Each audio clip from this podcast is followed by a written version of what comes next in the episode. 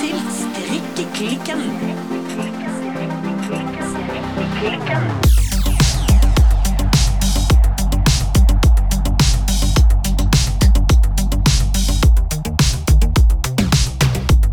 Hei, Birte.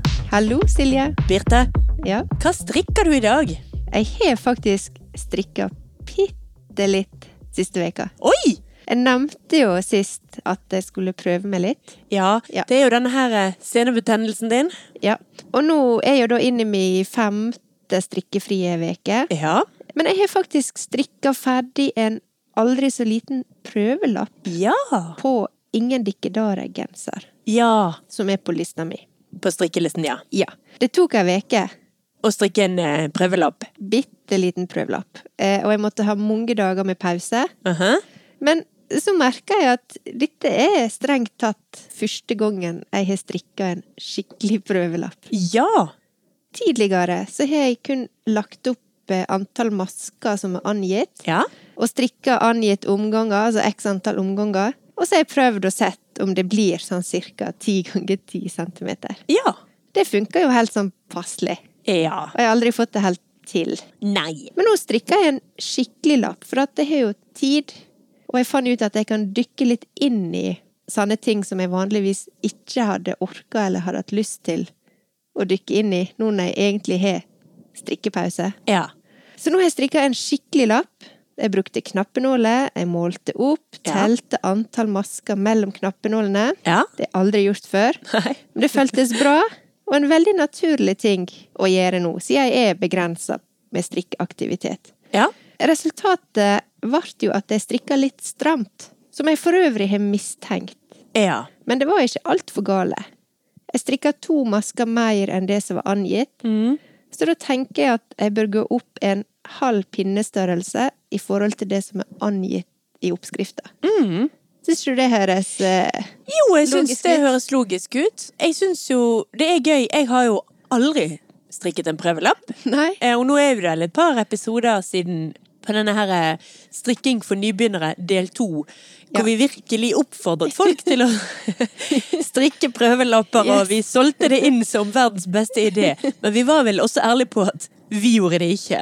Ja. Jeg forventer jo at hvis jeg hadde prø- strikket en prøvelapp, hadde det nok vist seg at jeg strikker løst. Ja. Så jeg går aldri opp i pinnestørrelse, men går gjerne ned en halv, eller til og med en hel en, tidvis, for meg. Ja.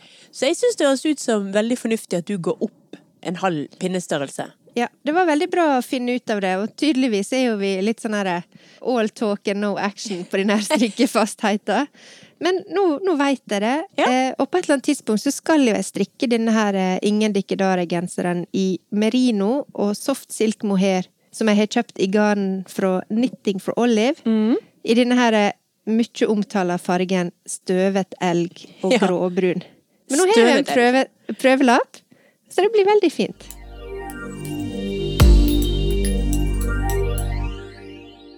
Hva strikker du på da, Silje? Nei, jeg strikker nå videre på denne her eh, Ingen dikkedarer-genseren min fra Petit Nytt. Du Som eh, dronninga befaler? Ja, jeg også får beskjed om. Det er vel nå eh, to episoder siden. Ja. Du live på direkten omtrent, eh, i hvert fall live i opptak, fikk lov å bestemme hva jeg skulle strikke. Ja. Og jeg gjør som jeg får beskjed om. ja, du har vært flink. Ja, det går helt fint det, altså. Eneste problemet er at jeg har hatt så utrolig mye annet å gjøre den siste uken. Så Mm. jeg har faktisk ikke fått strikket så mye som jeg vanligvis får unna. Ja. Så nå har jeg kommet meg eh, en god bit nedenfor raglandøkningen. Dette er jo da en genser som strikkes oppenifra og ned. Ja. En ganske, eh, ja, egentlig navnet sier det. Ingen dikkedara-genser. Ja. Det er en plain, eh, veldig fin genser. Veldig enkel å strikke, veldig kjekt. Ja. Så nå er jeg da altså på eh, motorveien nedover Bolen. Og jeg syns egentlig det er veldig herlig og tanketomt og meditativ eh, strikking. Så jeg bare sitter og koser meg eh, med. Ja. Jeg strikker denne da i fargen rust. Som er en eh, sant, Det er en sånn, det sier seg jo sjøl, en brunrød farge. Ja. Og det, det er litt rart, for jeg har en tendens til å strikke ganske mye i grønt og chartreuse, som vi har eh, spøket mye med. Ja. I beige og brunt og lin. Så rust eller rødbrunt, da, det er litt uvant. Jeg lurer meg på om dette her blir starten på at jeg faktisk kommer til å begynne meg å kle meg i farger. Ja, altså nå var det mye ingen dikkedarer i monitor her, eh, men det tåler vi. Men jeg lurte på, altså den her rustfargen, du kjøpte jo den tråden eller garnet. Ja. Hva, var, hva, hva tenkte du da? Helt ærlig, den kjøp- bestilte jeg på internett, egentlig da til den yndlingsjakke fra Sandnes. Ja. Og eh, det var helt spontant. Det var også litt sånn nå skal jeg ikke strikke noe grønt eller beige. Ja. Men det var ikke forferdelig gjennomtenkt. Det var litt sånn klikk og hent. Også når jeg åpnet eh, pakken p- fra posten, så ble det litt sånn å, oi! Oi, var det Å, å, den wow!» fargen? Men- Ja, for jeg husket ikke at jeg hadde gjort det. Nei, jeg skjønner.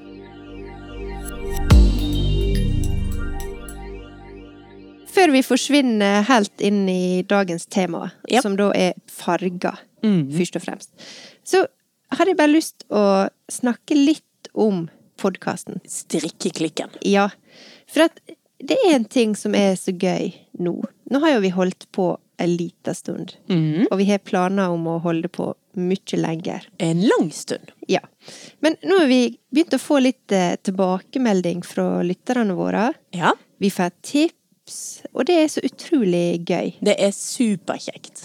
For at vi er jo på denne her reisa Ja. eh, der vi prøver å lære, vi prøver å utforske. Ja. Og samtidig så har vi det mye gøy på veien. Og så deler vi stort og smått fra denne reisa gjennom denne podkasten. Ja. Og det er så utrolig kjekt eh, når du merker at folk hører på. Det er det. og de kommenterer, tipser, tilbakemeldinger. Det var jo derfor vi starta denne podkasten. Det var det. Så det hadde jeg bare lyst til å si.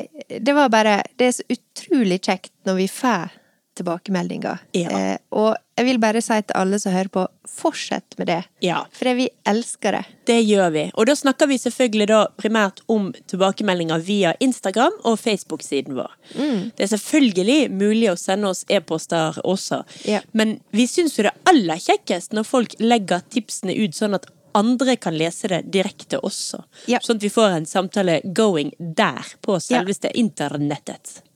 Videre så er det jo også veldig gøy at vi har fått så mange lyttere. Og jeg syns jo også det er veldig kjekt at folk deler dette videre med andre, sånn at på en måte ballen ruller litt av seg sjøl, og at noen tipser andre strikkeinteresserte om en strikkepodkast. Men det syns jeg var en fin, eh, fin oppfordring som eh, vi stiller oss eh, Eller som jeg stiller meg bak. Ja. Ja.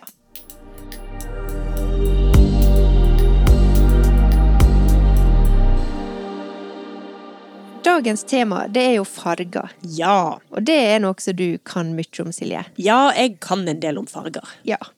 Og når det gjelder ull, så har vi naturfarger, sånn som hvit, svart, eller svart-grått og brunt. Ja. For at det er jo de fargene sauen finnes i. Ja. Verken sau eller alpakka eller geit kom, De kommer veldig sjelden i chartreuse, for eksempel. For eksempel. Eller rust, for så vidt. For så vidt ganske sjelden, det òg. Ja.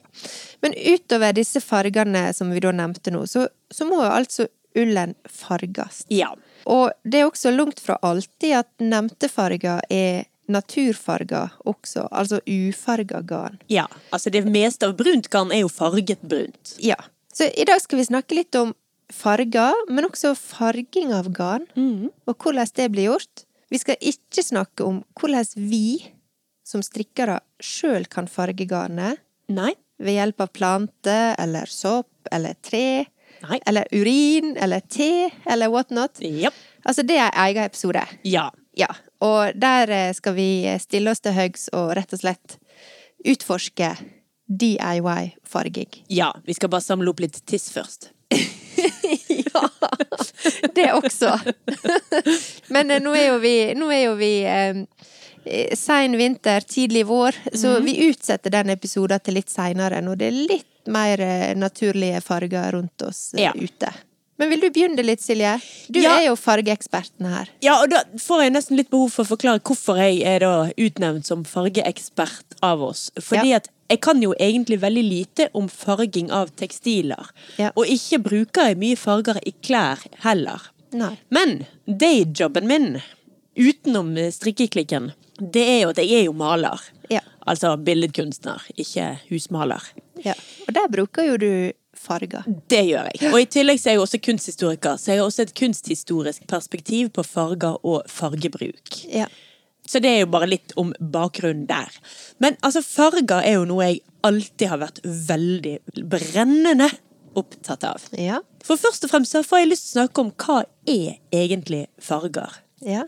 Ja, vi omgir oss med det hele tiden, bortsett fra når det er mørkt. Jeg mener, vi kjenner alle til at i mørket er alle katter grå, så omgir vi oss med farger hele tiden. Men selvfølgelig, fargeopplevelsen er nok antageligvis veldig forskjellig. Din Ja. måte å oppleve, eller faktisk å se en farge på, er slett ikke nødvendigvis identisk med min opplevelse av den samme fargen. Nei. Så da er vi jo allerede på hva er farger? Og når vi snakker om farger i forbindelse med garn og tekstiler, da snakker vi jo egentlig om hvordan da garnet eller stoffet eller materialet reflekterer lys. Ja. For det vi kaller naturlig lys, altså dagslys og egentlig godt lampelys også, sender ut såkalt naturlig lys, altså det etterligner iallfall naturlig lys, det inneholder hele fargespekteret. Så et garn som vi opplever som hvitt, det reflekterer hele fargespekteret i lyset, mens et garn som er svart, det absorberer hele fargespekteret og reflekterer ingenting. Et garn som er rødt, eller rustfarget, som jeg sitter og strikker i nå, det reflekterer de røde fargestrålene, men det absorberer det blå og det gule og det grønne og det fiolette lyset. Ja. Altså, jeg strikker jo i svart, Ja. og jeg kjenner meg absolutt igjen i det du sier med at det bare absorberer Ja. alt. Du ser liksom ingenting. Men når du sier at vi opplever et garn som hvitt, da, blir- da begynner hjernen min å vri seg litt. ja, men det er jo det vi gjør. Det som skjer i kroppene våre, da, det er at bakerst i øyet vårt, i netthinnen, der har vi staver og tapper som reagerer på lys og farge. Det er tappene som registrerer farger, altså da er det stavene som registrerer lys, eller Ja. mørke. Vi har omtrent 6 millioner tapper og 130 millioner staver. Hmm. Altså staver var da de som oppfatter lys og mørke. Så Ja. vi har mye mer som oppfatter lys og mørke enn vi oppfatter farge med. Ja.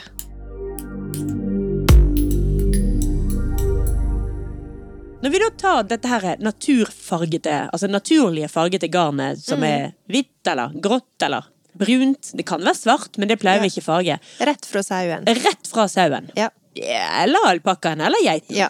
Eh, Ja. ja. La oss ikke ekskludere. Alle skal Nei, med. ja, alle skal med. OK. Til og med plastgarnet får lov å være med. Vi kan til og med snakke om akrylgarnet. Når vi da farger det, så er det flere måter å gjøre det på. I dag så er det aller, aller meste av garnet vi strikker med, farget med syntetiske farger. Mm. Men altså, i gamle dager, og også Ja. litt i dag, Ja. så farget man jo tekstiler med planter eller naturfarger. Ja. Eh, Og farging av tekstiler, det er kjempegammelt håndverk. Som allerede i oldtiden var veldig høyt utviklet. De eldste fønene av fargete tekstiler, det er fra egyptiske kongegraver. Vi er rett og slett i pyramideland. Egypterne de benyttet eh, altså stort sett da altså naturlige fargestoffer som de fant i sitt nærmiljø. Nå skal ikke jeg gå inn på den botaniske verden i Egypt i oldtiden, det kan jeg ingenting om. Men de har også funnet ut at de importerte fargestoffer fra Iran og India og Kina. Blant annet så kom indigo langveis vekke fra.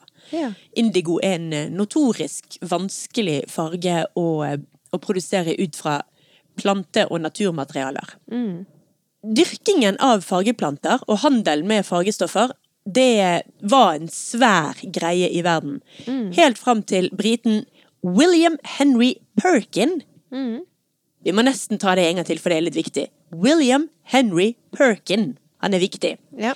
Altså, I 1856 så fremstilte han for første gang et kunstig fargestoff som heter mauvi, mauvein. mau- Mauvin.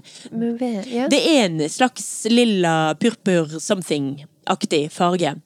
Som da satte i gang veldig mye av det. Altså Det var den første kjemiske eller syntetiske fargen. Og dette revolusjonerte da hele tekstilindustrien og måten man farget på.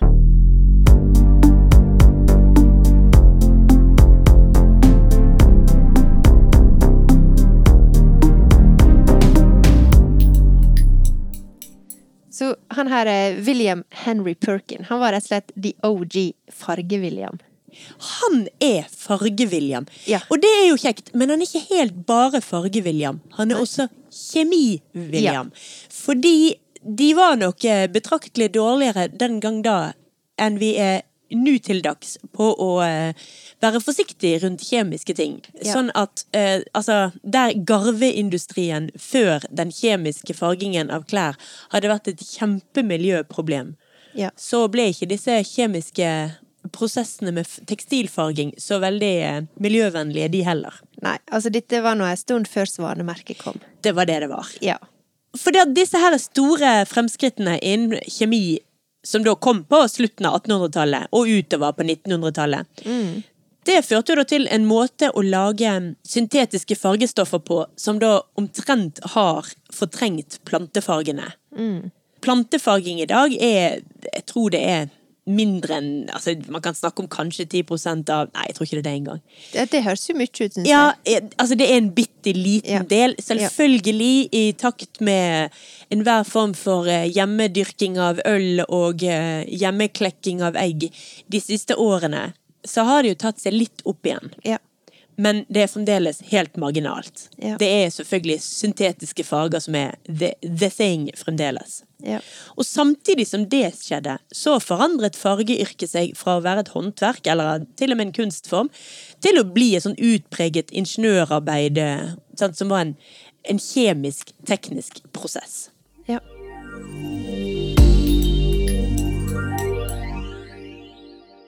Det som i all enkelhet skjer når man skal få et naturfarget garn til å bli et farget garn, så er det egentlig du kan dele prosessen opp i tre faser, som av og til er, skjer parallelt, faktisk. Først så skal du anrike fargestoffene på fibrenes overflate. Altså du skal putte fargen på toppen, inn på utsiden av fibrene. Og så skal du få da disse fargene inn i stoffet. Altså de skal, det, det er sånn diffusjon av fargestoffene inn i fibersubstansen, for å gjøre det veldig korrekt her. Ja. Og så, som punkt tre, så må du da fiksere fargestoffet til fiberen. Mm. På samme måte som du gjør med et svart-hvitt fotografi. Sant? Først fremkalle, så fiksere. Ja. Det er jo selvfølgelig fordi at målet er jo at fargene skal være både lysekte og tåle vask og den slags. Litt avhengig av hva slags fibre som skal farges, og hva slags type fargestoffer som skal brukes, og hvilke maskiner man bruker, så eh, styres denne her fargeprosessen med å overholde en bestemt tid eller temperatursyklus. Her er det da hvor mye farge putter du opp i fargebadet, hvor lenge lar du det ligge der, og hvordan varmer du det opp. ja. Her er det de står med millimeterklokke, og det er jo veldig nøye. Men selvfølgelig det er det jo derfor også du ser disse fargekodene. Sånn, eh, hva det heter det, sånn batch-nummer. ja. Hva heter det på godt norsk, da? Parti. Partivare. Det er det det Ja. heter. Altså parti, hvilket parti ullen kommer fra. Mm. Da har den ligget og blitt farget samtidig. Fordi at selv om dette er i dag en kjemisk prosess, og det gjøres selvfølgelig med mikroklokke, og temperaturen styres med mikromålestokk Mikrotermometer, kanskje. Ja. De bruker kanskje ikke så mye målestokk, forresten, når de skal måle temperaturen. så er det jo lite grann hipp som happ der òg. Ja.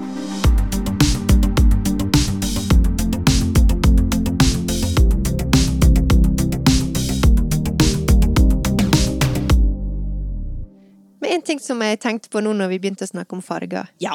Hva er din yndlingsfarge?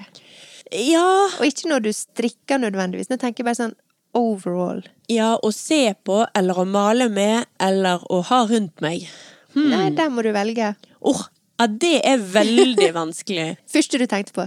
Eh, Det, f- det, altså, jeg tenkte faktisk på ultramarin, Ja. som jo er som, Altså, det er jo the holy grail of eh, malere.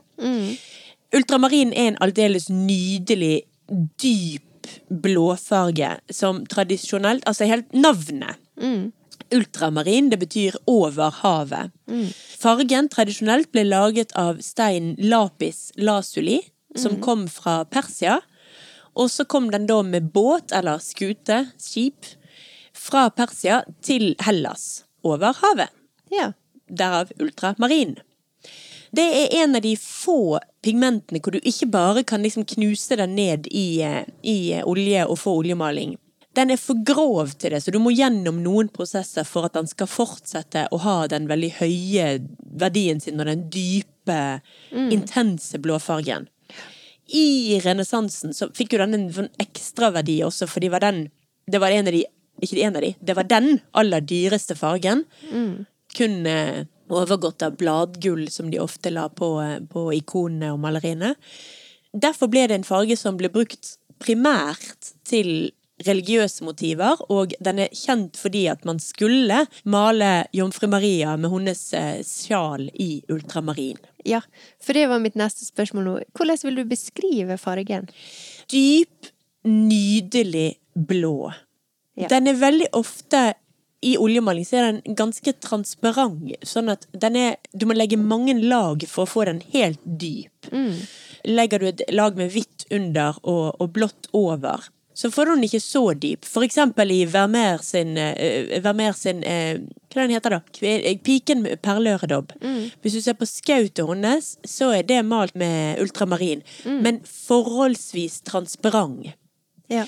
Mens hadde Vermeer lagt flere lag med ultramarin oppå hverandre, så får du en mye dypere, mye mer eh, ja, mørk og intens ultramarin. da. Nei, men jeg, jeg, fikk, eh, jeg fikk mange fine bilder oppi hodet mitt nå når du forklarte om denne her eh, ultra, ultramarine. Ja.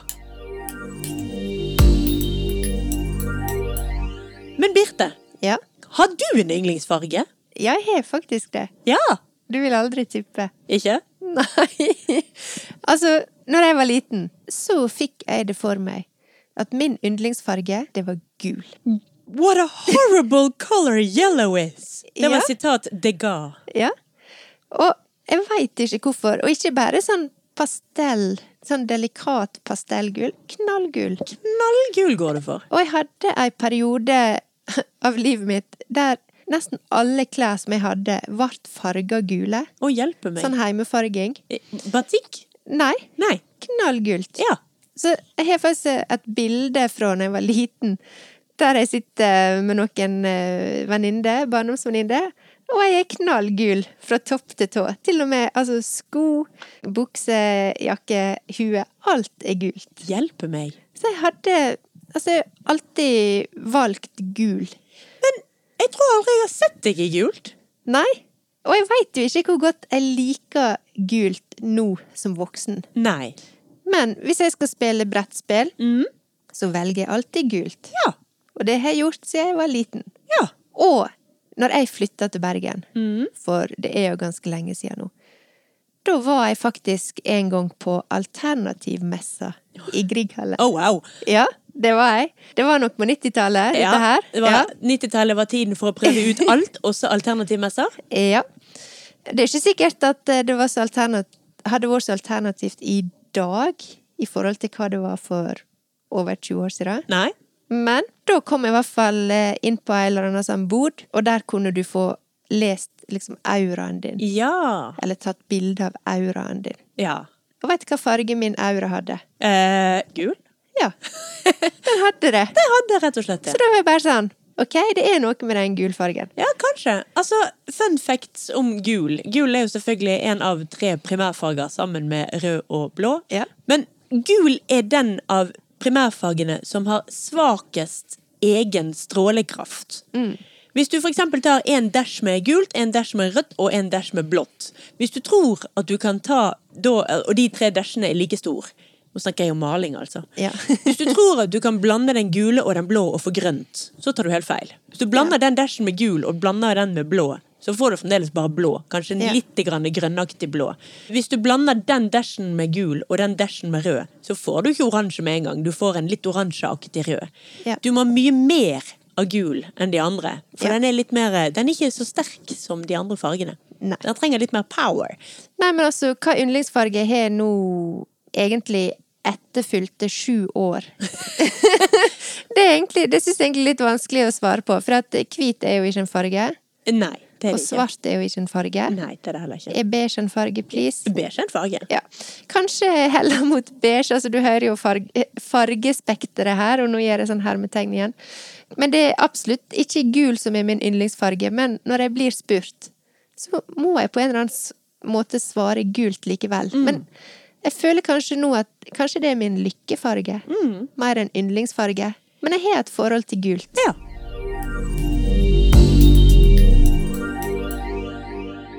Men nå skal jo vi også snakke om farger og garn. ja. Og garn det kommer jo i utrolig mange farger. Eh, og jeg kan jo egentlig ikke tenke meg en farge som du ikke kan få i ull. Eh, nei, Nei, jeg kan ikke forestille meg en farge som ikke finnes i ull. nei ikke jeg Eller i hvert heller. fall i garn på en eller annen. Om du kanskje finnes noen farger du må over i akrylgarn for å få. Mulig. Ja. Som om ikke det er nok, så har vi jo også noe som heter håndfarga garn. Og nå begynner det å bli litt spennende. Ja. For at før denne episoden her, så visste jeg ganske lite om håndfarga garn. Eh, men jeg ble satt på ei oppgave, og det var å researche litt. Ja. Jeg må bare skyte inn at når vi snakker om håndfarget garn nå, da snakker vi likevel om garn man kan kjøpe, Ja. men som da er håndfarget fra produsentene sin side. Yes. Og jeg syns også det her med håndfarga garn Jeg syns det var litt vanskelig å forstå hvordan jeg kunne bruke det. For at for meg så virker det litt for Ja, så for spesielt interesserte. Litt sånn next level. Ja. Men det som er så bra, og som jeg har funnet ut nå, da, Ja. nylig, det er jo at de fleste håndfarga garn, de kommer jo i merino og mohair. Mm. Så det er veldig lett å bruke i mange oppskrifter. Ja. Eh, og det er ganske lett da å bytte ut for eksempel merino, en merinotråd som du skal bruke i ei populær oppskrift, med en håndfarga merinotråd. Ja. Eller mohair. Ja. Og du kan bruke da disse håndfarga garna for å få en sånn her fin, litt sånn spetta effekt. Ja. Og du kan også bruke det for å få en fin melering på strikketøyet. Det er noe som jeg liker veldig godt, men som jeg ikke helt har forstått hvordan jeg kan få til den perfekte meleringseffekten når du strikker. Nei, jeg tenker at det perfekte kan være vanskelig å oppnå her, men Ja. å få til spennende og interessante og annerledes ting, da tenker jeg at det er en bra ting å gå inn på håndfarget garn. ja. Hvor det jo da vil være mye mer forskjell mellom det ene nøstet og det andre nøstet enn det blir på syntetisk farget garn fra en stor produsent. Ja. Og det er litt på samme måte som eh, du kan bruke tid på å finne den her helt rette nyansen når du skal male en vegg, for eksempel. Ja. Vi vet jo alle at eh, beige eh, Det fins mange nyanser av beige, for Ja. eksempel. Og det fins mange Fifty nyanser av Shades of Grey. Mange nyanser av grå. Ja. du kommer i forkjøpet. For, at, jeg- for eksempel grå, som jeg liker veldig godt. Mm. Der er jeg alltid på jakt etter litt den her perfekte gråmelerte fargen. Ja. For eksempel. Jeg syns ofte grå kan bli enten for mørk Mm. eller eh, for flat på en eller annen måte. Ja. Eh, I andre retninger igjen. Så med håndfarga garn så kan du også finne disse her perfekte nyansene, tenker jeg Ja. som en kanskje ikke alltid finner i standardutvalget. Nei, det er jo det at når du går på ren fargekode og liksom Ja, jeg skal ha den og den, og man er helt sikker, og man skal ha det man fikk i fjor, og så videre. Så er det Da er det jo blitt en standardisering der. Som, som du sier, det, kan man, det får man ikke på håndfargete ting. Nei. Og jeg tenker også at nå når jeg har sjekka litt eh, rundt på håndfarga garn, så er det klart det er lett å la seg blende av disse her eh, fine, litt sånn sterke fargene, og der er mange litt sånn regnbuefarger, eller eh, flere sjatteringer. Men håndfarga garn er også ensfarga garn, og det kan være ganske sobre og delikate farger. Så håndfarger det er ikke bare go crazy, nå skal vi bare farge oss i hæl på, på genseren, for eksempel. Nei da, og det er jo heller ikke sånn at håndfarget garn nødvendigvis er plantefarget garn. Nei. Det er, altså når vi snakker om håndfarget garn, så kan det godt være at de har brukt kjemiske prosesser. Men det er gjort på mindre kjeler og på, på kjøkkenet, ikke i de store fabrikkene. Ikke nødvendigvis, altså. Du må ikke gjøre det på kjøkkenet. Det skjer. Og jeg, jeg merker nå at eh, jeg er mye mer eh, villig nå til å, å prøve disse her småleverandørene. Ja, for der fins det utrolig mye spennende. Ja, det gjør det. Og da får du også litt fått litt mer den her eh, one of a kind-følelsen på genseren. Også på en enkel, glatt strikk, for eksempel.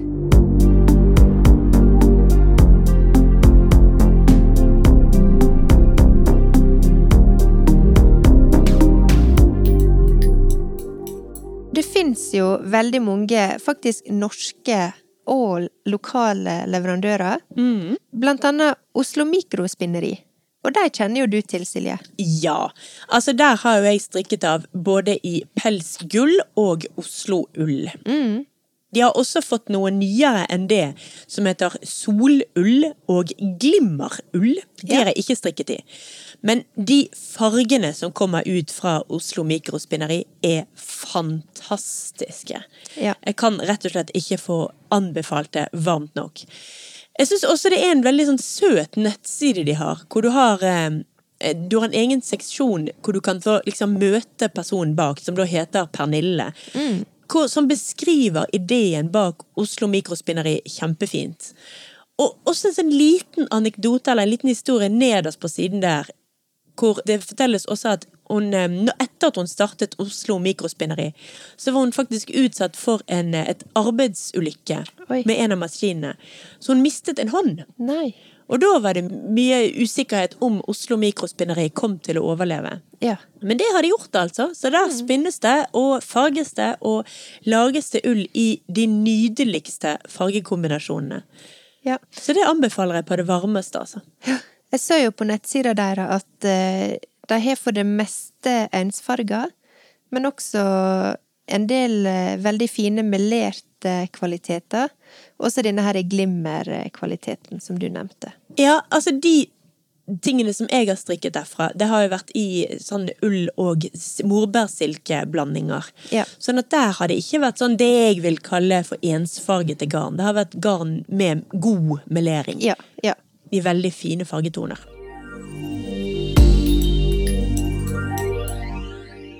Og så har vi en leverandør som heter Løvstakken farger. Ja!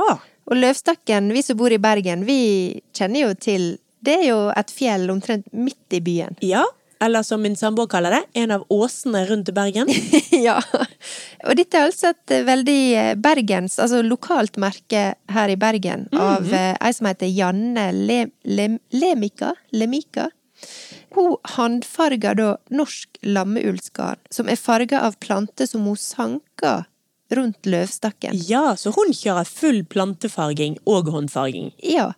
Hun bruker eikeblad, navlelav, messinglav, marikåpe. Unnskyld, navlelav. Det står det her.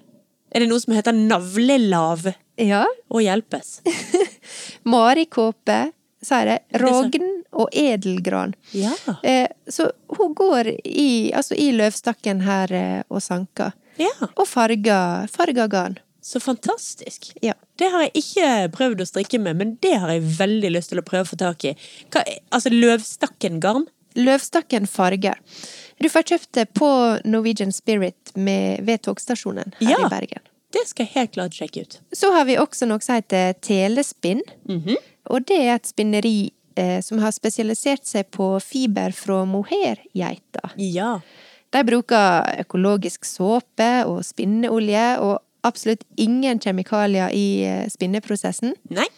Altså, jeg har ikke prøvd eh, garnet som de bruker, men eh, i hvert fall et bærekraftig alternativ eh, fra en eh, lokal produsent. Er de også fra bergensområdet? Nei, de er jo fra Telemark.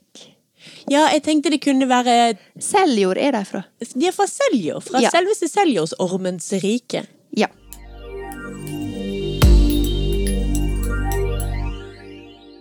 Vi har også Lofoten Vol. Voll! Vol! Ikke wool, men voll! Vol? Nei. Lofoten wool! Ja, lo, ok da, vi, vi, vi snakker engl- engelsk. Lofoten wool. Lofoten Vol. Eh, og det er jo da, som en kan forstå, ull fra Nord-Norge. Ja, fra Lofoten. Og som blir spinna faktisk her på, altså på Hillesvåg eh, ullfabrikk. Ja, det er ikke så langt fra Bergen. Det står på nettsida deres at eh, garnet tar Hurtigruta både ned og opp. Det er jo det eneste riktige måten å komme seg fra Bergen til Lofoten på. Ja. Og jeg kunne ikke helt finne ut av eh, på nettsida hvordan de farger garnet sitt. Nei? Men hadde du noe info om det, Silje? Ja, altså i denne her boken jeg har snakket om før, Norsk strikkehistorie av Ingunn Grimstad Klepp og Tone Skårdal Tobiasson, så står det om Lofoten Wool. Og der står det at de selger garn i naturens egne farger og plantefarget garn. Ja. Med andre ord da altså farget med planter og ikke kjemi. Ja. Her står det også at Lofoten Wool det er etablert av Ragnhild Lie i 2014. Og at det har blitt et eh, ganske Altså, det har gått veldig bra med den bedriften siden det, da. Ja. Det er jo mye av den merkevaren her som henter identiteten sin fra Lofoten. Ja. Allerede bor selvfølgelig i navnet Lofoten Wool, men også at eh, fargene på de forskjellige nyansene, de heter ting som er hentet fra havet rundt Lofoten, som sandgrunn og steingrunn og fire favner. ja. Flotte navn på farger. Vi har enda et lokalt eh, alternativ, faktisk, eh, fra Bergen. Fjord Fibers. Fjord Fjord Fibers. Fibers. Det høres ikke så veldig bergensk ut, men Gilly, som står bak det, hun er farmasøyt, og som elsker blandinger av farger, ull, alkymi og kreativitet. Oh, vi fikk alkemi inn i det hele. Det Ja. liker jeg. Ja. Og garnet det blir eh, altså farga uten eh, kjemikalier, og hun selger også ufarga garn, Ja. for eksempel. Sant? Den kan farge sjøl, ja. hvis en vil det. Så man kan koke urinen sin og eh, hive en, eh, en sopp eller en sokk eller litt eh, potetskrell oppi, eller hva, det noen, hva man nå måtte ønske. Du blir ikke ferdig med denne urinen, du. Gjør ikke helt det, altså. Nei, det skjønner jeg godt. Men det er en veldig internasjonal profil på nettsida. Det er faktisk litt forvirrende, men ok, her dyrker en det eksotiske med Norge og Norden, men henvender seg, sånn som jeg tolker det, eller sånn s- det inntrykket jeg får, først og fremst mot utlandet. Ja. Men jeg regner jo med at selv om alt er på engelsk, at du kan bestille fra Norge og ja, få norske priser, at det blir sendt fra Norge. ja. Men jeg er litt usikker, faktisk. Men hun følger da altså filosofien til vår godeste Unn Søyland Dale. For å satse internasjonalt må du våge å være nasjonal. Ja. Think global, act local. Ja, sant? For om ikke du med en gang plukket opp at eh, dette var veldig vestlandsbasert, så er jo selvfølgelig ordet Har du brukt ordet fjord? Ja Fjord. da. da. har du plassert oss godt eh, og brutalt på Vestlandet i Norge. Ja da, en har jo det. Ja.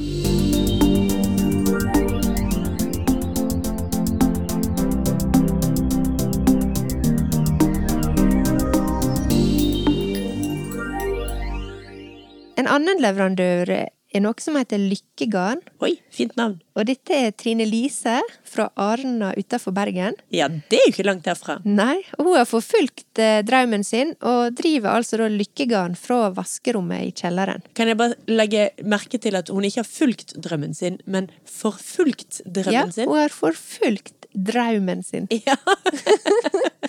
Men hun har et ganske fargerikt utvalg eh, i både merino og mohair. ja. som du finner på, på nettsida der. En annen, Millas mikrofargeri Mhm. fra Trondheim. Her er det fantastiske fargenavn som Aperol Spritz, Mhm. orkidé, salvie, bikube, drømmefanger.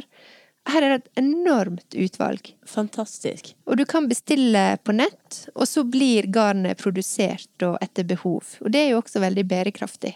Oi! Sånn ja. at det kan ta leveringstida er ca. to til tre uker. For da skal hun i gang med rett og slett ikke koking og sanking og Ja, hun lager på etterspørsel. Ja. Så millasmikrofargeri.no, der kan du gå inn, og så der finner du et voldsomt eh, utvalg. Utrolig spennende.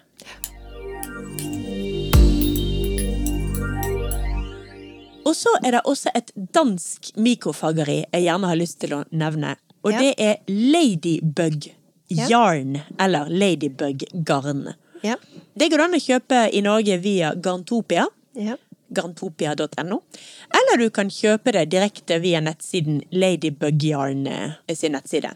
Ja. Det er bare til å google det. Fargene der er fantastiske. Ja. Når vi litt sånn innledningsvis snakket om at Vi tror ikke vi klarer å komme på noen farger. Det er ikke det mulig å eh, å- å farge garnet i. Så begynte jeg å tenke liksom «Hæ, Det må jo være noen slags neonfarger og sånt man ikke klarer å få på garn. Men det klarer i alle fall Ladybug Yarn. De klarer også litt sånn hva skal jeg si, mer nedtonete, melerte garn. Men det er et par av de som er helt fantastisk intense i fargene. Ja. Personlig er jeg spesielt interessert i eh, Friday Mood Mohair, og så et garn som heter Rollercoaster Sock. Ja. Det er skikkelig altså Du kan jo kalle det melert. Det er I bunnen er det hvitt, Ja. og så er det spettet med eh, neonrosa, neonoransje, neongul, neongrønn, neon, neon alt mulig. Litt sånn neon tutti frutti. Neontutti frutti. Og det har jeg veldig lyst til å strikke meg sokker i, og gå rundt med neontutti frutti-sokker. Ja. Så det står helt klart på min oppdaterte strikkeliste. Jeg syns også Ladybug eh, også har veldig mange fine, sobre og delikate farger. Så i tillegg til disse her litt knæsje, sterke fargene, så har hun også et stort utvalg i veldig delikate, eh, fine farger. Som eh, jeg gjerne kunne ha tenkt meg å strikke en genser i, for eksempel. Ja, der er veldig mye fint. Det er litt sånn, Hele den nettsiden til Ladybug Yarn er egentlig en godtepose for eh, garne- og eh, strikkeinteresserte. For øyet, rett og slett.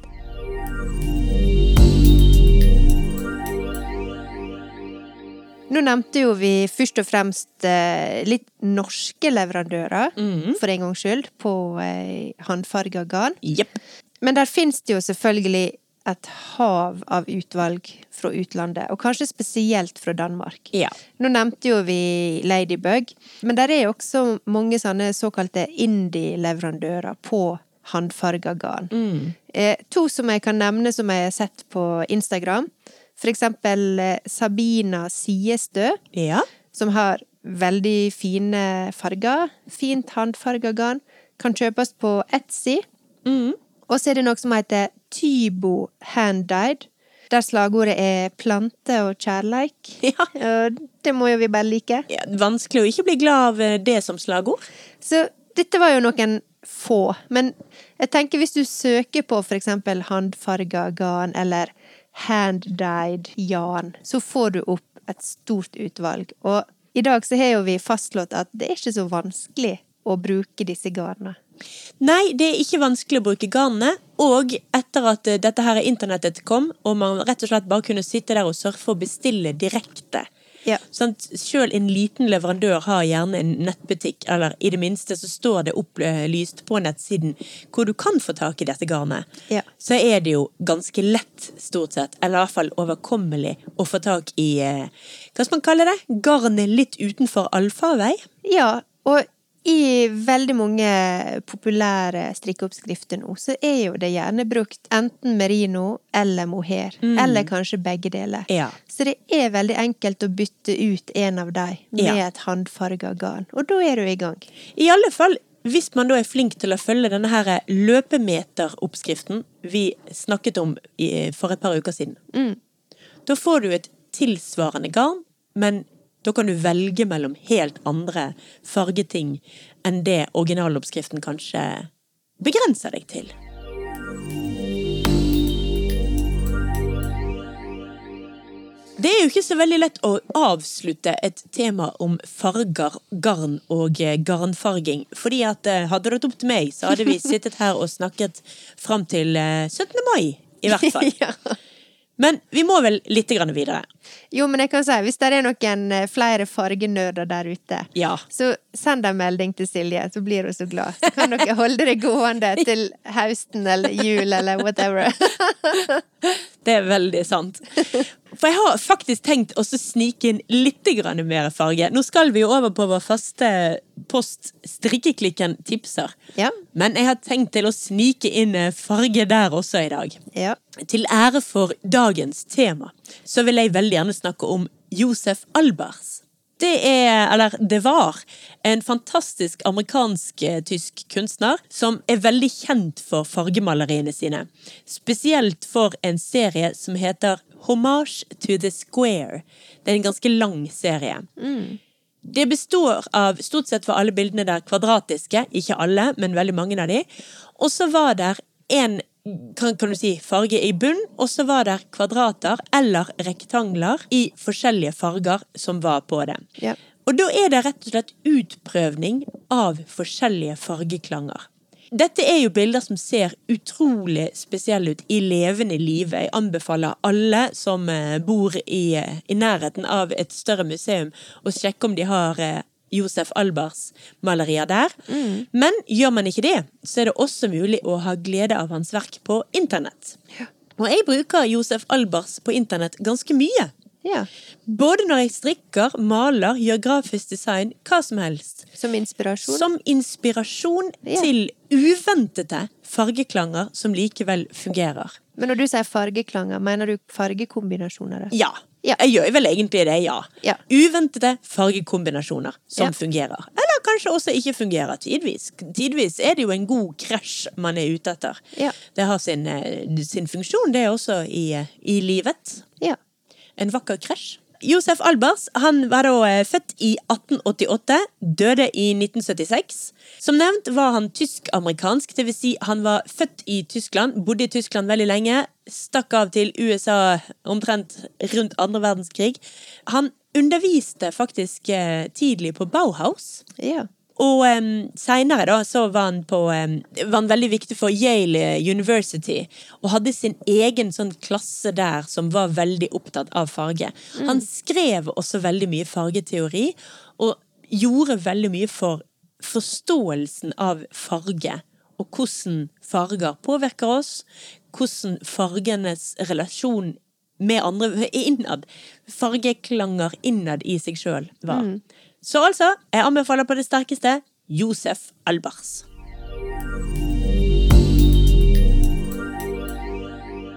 Enn du, Birte. Farge-Birte. Eller tør jeg si Beige-Birte? Greit for meg. Hva har du lyst til å tipse om i dag?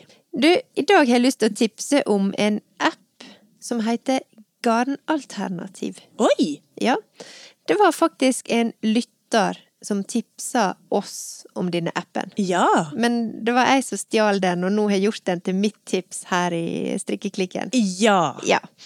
Her kan du Dette er en app, altså, og her kan du rett og slett skrive inn enten garn, Ja. pinnestørrelse eller strikkefasthet, og så får du opp ei rekke med alternativ. Garnalternativ. Det er jo genialt. Det er helt genialt. Ja. Nå har jeg ikke brukt denne her så mye i praksis, men det her med å finne garnalternativ, det er noe som jeg faktisk bruker veldig mye tid på. Ja. Eh, Det kan jo være mange grunner til at en ikke går for originalgarnet i en oppskrift. Ja. Det kan jo handle om pris, det kan være tilgjengelighet, det kan være farger. Så dette her, det kommer til å bli en mye brukt eh, app. For hvis du googler sånne ting, det kan være ganske diffust eh, hva du finner ut av, og hva svaret en får. Så det er jo derfor jeg har drevet og tatt skjermbilder av eh, kommentarer på Instagram og sånn, fordi noen har kommentert at dette, dette garnet passer til den og den strikkefastheten og sånn. Men her kan du bare taste det rett inn i appen, og så får du opp rekke på rekke på rekke med alternativ. Genialt. Ja, den her var Tusen takk til eh, denne her eh, lytteren vår som eh, tipsa. Ja. Og keep it coming, sier bare jeg. For at, eh, dette er jo et eksempel på at eh, vi er med på denne reisa alle sammen. Ja. Og vi lærer. Og dette her var et helt fantastisk eh, tips eh, som jeg setter stor pris på. Altså appen Garnalternativ. Ja. Den skal jeg helt klart både finne og laste ned og installere og bruke. ASAP.